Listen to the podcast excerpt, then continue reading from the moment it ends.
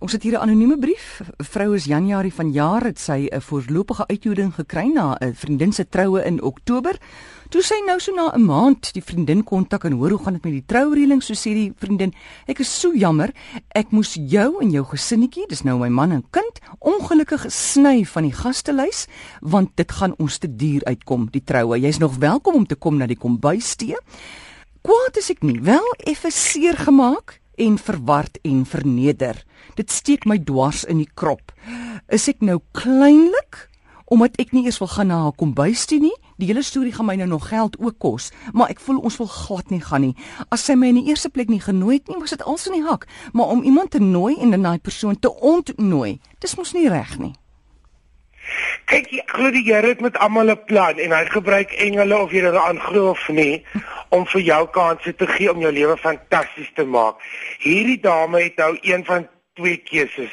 Nee, mens sê nie so nie. Jy het een keuse. Daar een keuse beteken ons twee options.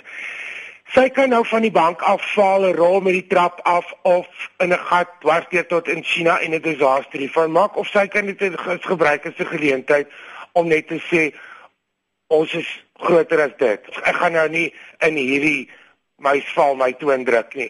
Baie mense is opgewonde om te troue is nou maar 'n ellendige storie om hier te begin want vir baie mense is dit die grootste gebeurtenis van hulle lewe, die event is die enigste keer wat hulle iets moet organiseer en dis ook wanneer die hele familie se swak smaak ten vore kom en ontplof met 'n wolk wat vir dae sigbaar is.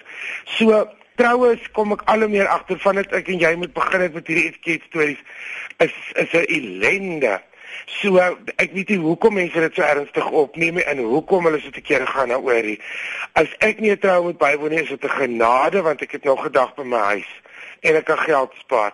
En as jy ewe een trou was, was jy by 'n miljoen. So Nou kyk mense word mos nou maar, jy gaan nou trou en as jy opgewonde hmm. en 'n bietjie op hitte en 'n bietjie op koors en daai hele ding, dis net maar jy weet so. En dan besluit hulle ons gaan nou dit doen en dan ry ek met 'n koets in en daai ding en dan het enige besef hulle het 11 rand en dis dit. En dan kom die realiteit in. So baie mense begin seker nie op die regte manier plan nie, ander dit nie. Wat noem jy daai mense wedding planners nie? So hmm. hulle gryp nou maar die kat in die verkeerde been en swing hom in die, in die ander rigting en dan kom hulle agter wat is die realiteit.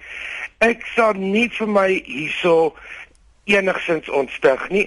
En sy sê sy jok tot vir haar man wat sy is te skaam. Vir wat sal jy te skaam wees? Om van iets dis presies die president van Amerika wat vir jou die Nobelprys gegee het en toegesê het jy sou te dakkie kry dit nie dit is glad die mens dis die grootste ding wat ek geleer het by so kundige ooit is moenie verantwoordelikheid vat vir ander mense se simpelheid nie. Moenie 'n las maak van ander mense se foute nie. Dis nie jou skuld nie.